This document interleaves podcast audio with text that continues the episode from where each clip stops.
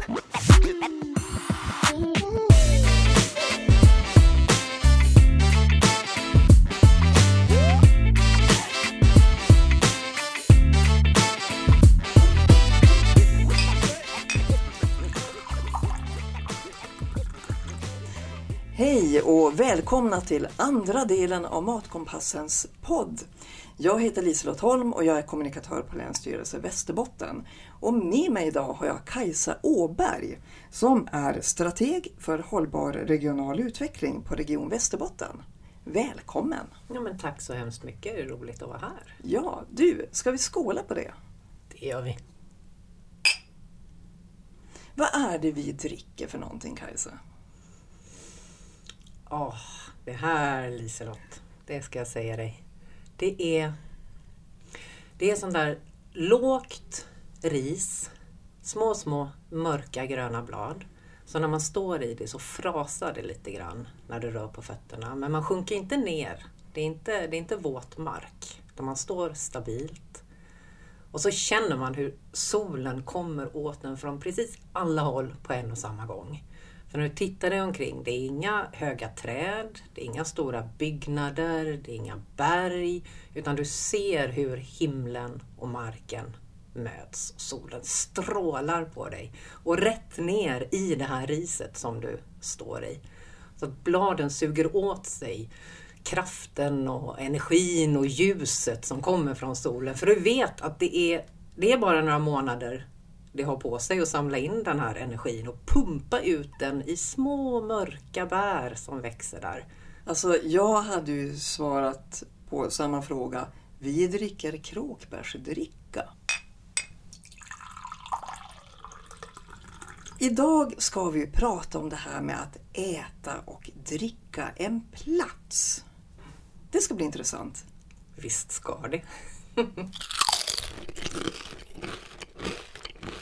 Men vad innebär det att äta en plats? Ja, att äta en plats. Jag skulle ju säga att mat och dryck, alltså saker man äter, det är ju en förkroppsligande av en plats. Att det är materialisering av platsen. Du har både då råvarorna som finns där, som i sin tur beror på luften, ljuset, marken, allting som är där i naturen. Och sen så har man då tagit dem, beroende på var du är någonstans, var platsen är, så har ju folk valt olika saker att ta tillvara, tillaga, konservera på olika sätt. Och sen i sista steget också hur man faktiskt äter det här.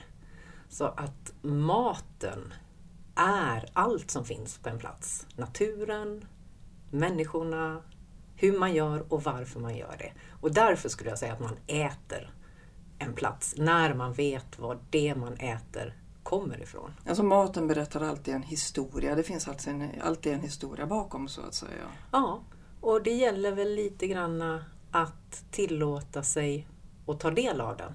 Att liksom öppna sina sinnen, inte bara om man tänker intellektuellt och läsa på lappen, ja men det här är ost mm. från där och där.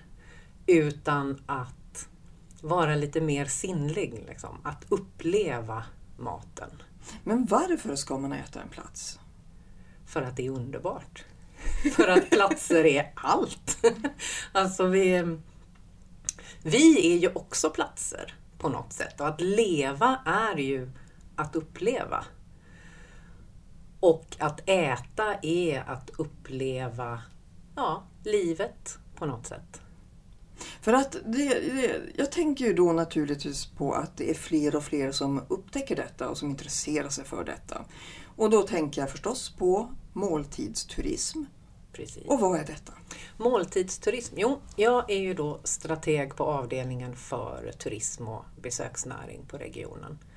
Eh, och därför har jag ju snöat in lite extra på just den här biten av mat och måltid såklart. Och måltidsturism i grunden, så när det ska definieras, då är det det här att man reser till en plats för att just uppleva den genom att äta sånt som är producerat där. Eh, och det gör det ju både, alltså alla sinnena kan ju vara inblandade. Du ser maten, du kan se vem som har tillverkat den, du känner lukterna, du känner på en textur och allting och smaken som sagt. Alltså alla de här sätten att uppleva maten och platsen. Och det har varit en ganska speciell nisch, alltså folk med eh, ja, intresse men också tid och pengar. För ofta har det ju varit så att lokalproducerad mat, du måste ta det utanför allfartsvägarna. Det är inte dit charterplanen går direkt utan du måste anstränga dig lite för att komma åt det. Men nu har det ju blivit mer och mer. Och jag skulle säga att eh, generellt, nu generaliserar vi, det är så mycket enklare att komma framåt i resonemangen då, så har ju mat och måltid gått från att liksom vara något nödvändigt ont under din resa, något som du tyvärr måste lägga en del av kassan på, till att faktiskt bli själva resanledningen för allt fler. Vi vill resa till platser för att äta någonting just där och vi vill resa till platser för att äta det som man äter där. För det, jag tänker, när man tänker på Västerbotten så är det naturligtvis osten vi är mest kända för. Men märker du att det finns andra typer av råvaror eller matvaror som blir mer intressant? Eh, kan du trendspana lite här? Ja, trendspaningen i eh, Västerbotten när det gäller Västerbottensmaten det är ju att det finns, eh, och det här är inte bara för oss, det här kan jag underbygga med internationella spaningar också, att vi blir mer och mer intresserade av vad vi stoppar i oss. Och vi vill äta någonting som, ja, om det nu inte gör oss till en bättre människa så ska det i alla fall inte vara skadligt för oss. Och då finns det i resonemangen en tro på att ju mer småskaligt och om man säger, spårbart som någonting är, desto bättre är det och desto mer vill man äta det. Så den här småskaligheten och att lyfta fram producenter som görs i Västerbotten, det är absolut, det är en trend som finns och det är något som får mer och mer uppmärksamhet. Kan man prata om specifika råvaror? Vill man dricka lav? Eller alltså förstår du vad jag är ute efter? Att det är eh, någonting som, som börjar komma. Jag tänker kråkbär har vi här, det är väldigt specifik och det är lite, här, det, det, är lite surt. Det, det kanske inte är något som faller alla på läppen. Mm. Men eh, hittar du någon råvara som kanske egentligen är lite krånglig men som ändå börjar bli mera populär? Ja, alltså det är en blandning av alla de här sakerna. Man kan säga att vi har ju några profiler här i Västerbotten som har blivit väldigt bra och fått uppmärksamhet just genom att bara gå utanför tröskeln och säga att kolla, vi bor ju i ett skafferi. Och det spelar ingen roll om du då befinner dig eh, längst västerut bland fjällen och har sjöar med fisk och allting som växer där. Och så hela vägen ner till havet. Alltså det finns ju råvaror att plocka av och det behöver inte vara svårare än så. Så det här med att fritera lav som har dykt upp till exempel. Helt görbart.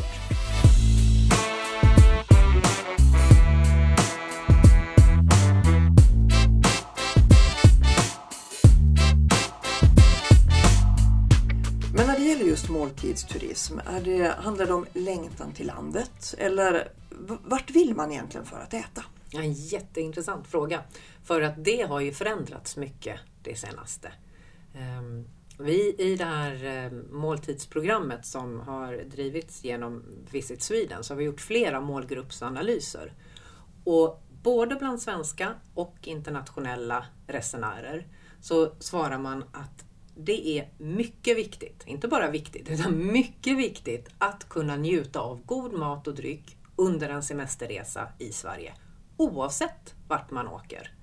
Eh, det är viktigt både för de som har en semesterresa på landsbygden och för de som har det i stan. Så att det är ingen uppdelning mellan det här och det är inte heller så att du har restaurangerna och serveringen i stan och produktionen någon annanstans. Utan det har helt eh, blandats ihop. Vi har ju faktiskt restauranger och otroliga exempel här i Västerbotten. Att du kan lägga en restaurang på en plats som ingen människa har någon anledning att åka till förrän just den restaurangen öppnar. Och du kan ha något litet ställe någonstans som inte heller så hemskt många åker till om de inte måste. Och där kan du dra igång något event eller någonting kring livsmedel, kring någon särskild hantverkstradition. Precis som vi nu har öltillverkning inne i städerna. Alltså geografin är på väg att på något vis trasslas till eller blandas ihop på ett helt fantastiskt sätt. Mycket på grund av att det är småskaligt och det vill vi ha. Vi vill se personerna och var de än är så är den lockelsen så stark att vi åker dit. Här, här är maten en verklig magnet kan man precis, säga. Precis. Maten och matmakarna. Vi får inte glömma dem bakom. Det, du nämnde tidigare också att det här har ju varit något som kanske framförallt tilltalat en smalare grupp, kanske en mera välbemedlad grupp. Men menar du att det nu finns ett bredare intresse för den här typen av turism? Absolut, och det finns flera olika former av det.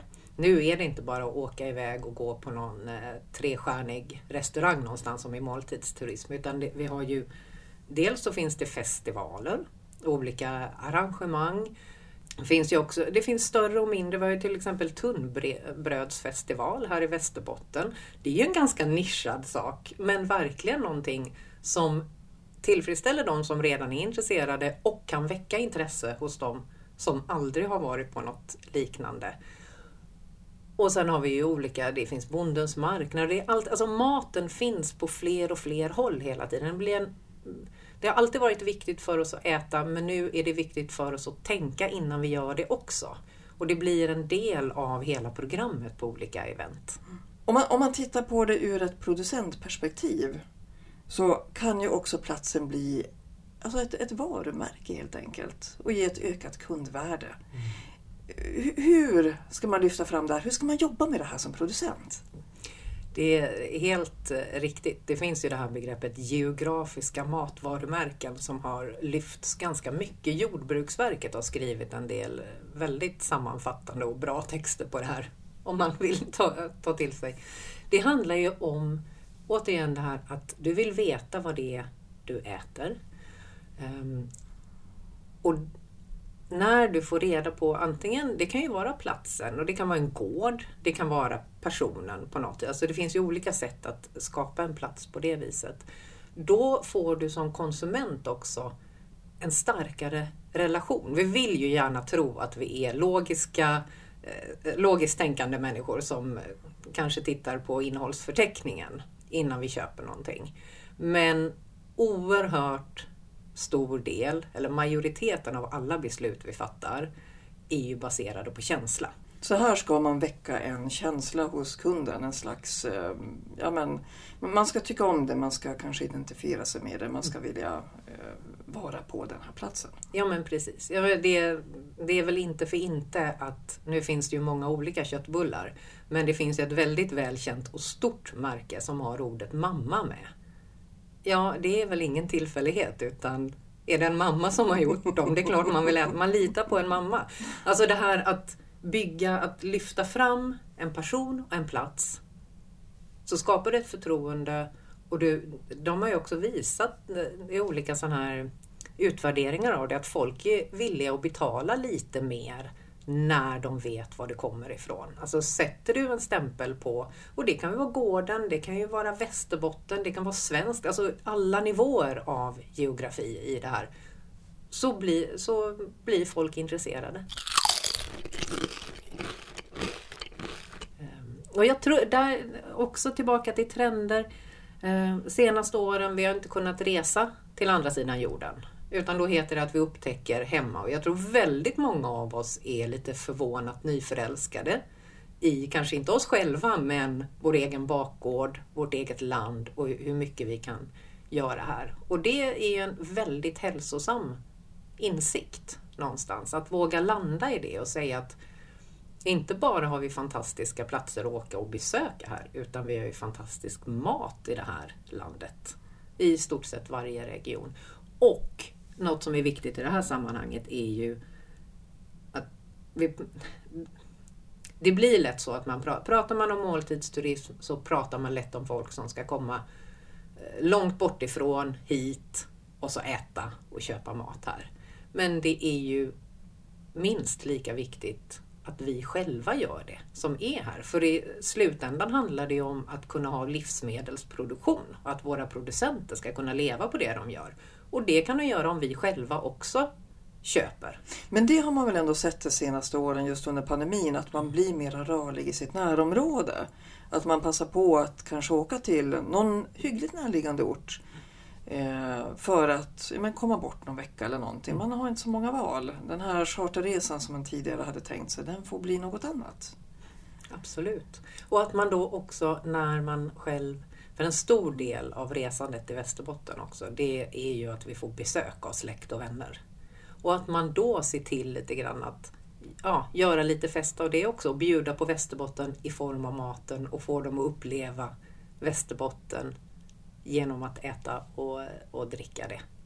Men det, du var inne lite grann nu på, eller vi har talat tidigare, men nu också nämnde du trendspaning och trendrapporter och sådär. Men vad, vad, liksom, vad är det, vad vill konsumenter veta om de här specifika varorna? Vad är, det liksom, vad, vad är man nyfikna på? Hur, hur tänker man runt det? Vet du något om det? Ja, jag vet lite grann. Vi har ju haft, under de senaste åren så har det som är Sveriges marknadsföringsorganisation gentemot utlandet, Visit Sweden, har ju drivit eh, någonting som heter måltidsprogrammet, alltså en speciell satsning på att titta just på olika eh, kundgrupper och producenter och se vad ska vi jobba med. Och där har vi varit med från Västerbotten Eh, aktivt och kika på vad är det som händer. Och det man ser det är just där man vill veta vem som har gjort det.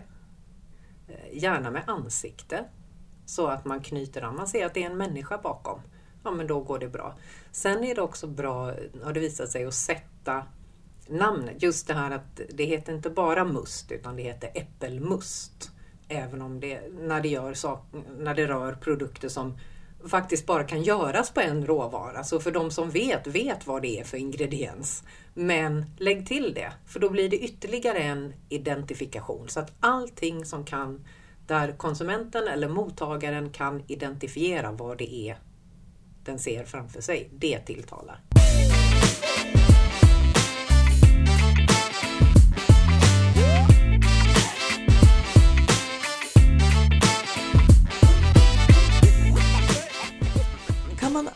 Arbeta tillsammans som producenter för att lyfta en plats? Ja men oh ja.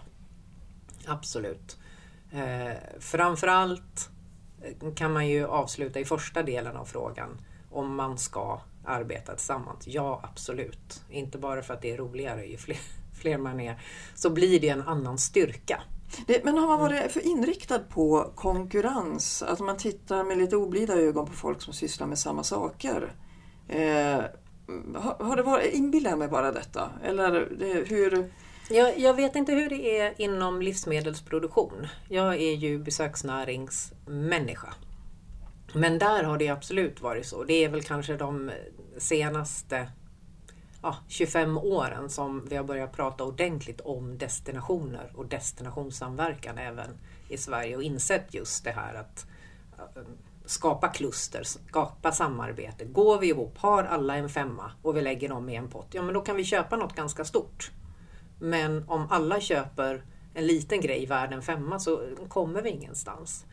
Men där tror jag, det jag har sett eh, i Västerbotten bland producenterna är att det finns en otrolig vilja och även vana att samarbeta. Vi har ju saluhallar på flera håll där man går ihop och gör saker. Och då lyfts ju platsen. Och om man då går ihop och säger ja men nu enas vi om, för det är ju den också. Vilken plats är det vi ska lyfta då?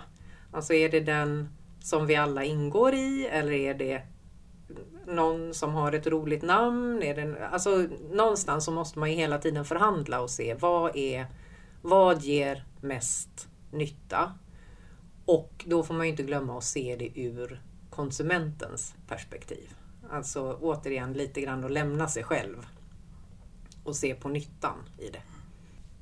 Men hur, hur, skulle du säga att den här typen av turism skulle kunna växa ännu mer? Det finns ju ett oerhört potential i det här om man vågar dels tro på sig själv och sina fantastiska produkter och sin egen unikitet och sin plats och allting. Men också vågar jobba tillsammans och ta hjälp av de resurserna som finns. Vi har ju som sagt Länsstyrelsen, Regionen jobbar ju med livsmedelsstrategin till exempel och vi på turismavdelningen. Vi har hushållssällskapet, LRF, alla de här olika som är igång och jobbar för att hjälpa och stödja och lyfta producenterna. Men vi är i maj 2022 eh, och vi som jobbar med de här sakerna inom den offentliga sektorn, vi är ju inte blinda. Och vi har inte legat under kudden. Nej, för det, det är hårda tider nu, mm. både för turismföretagen, eller många i alla fall, och inte minst producenterna. Det var, var, var, hur kan man gå in och stötta här? Ja, framförallt så gäller det att inte köra på som om det är som vanligt. Utan att faktiskt titta vad är det som har hänt. Och för oss i besöksnäringen, visst har resandet kommit igång.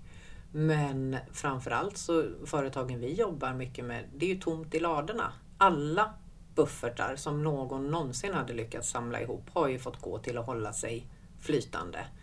Och det måste vi inse när vi nu kommer med nya eh, olika sätt som vi vill hjälpa till. Att jo, men nu pratar vi till väldigt trötta och ibland nästan uppgivna företagare.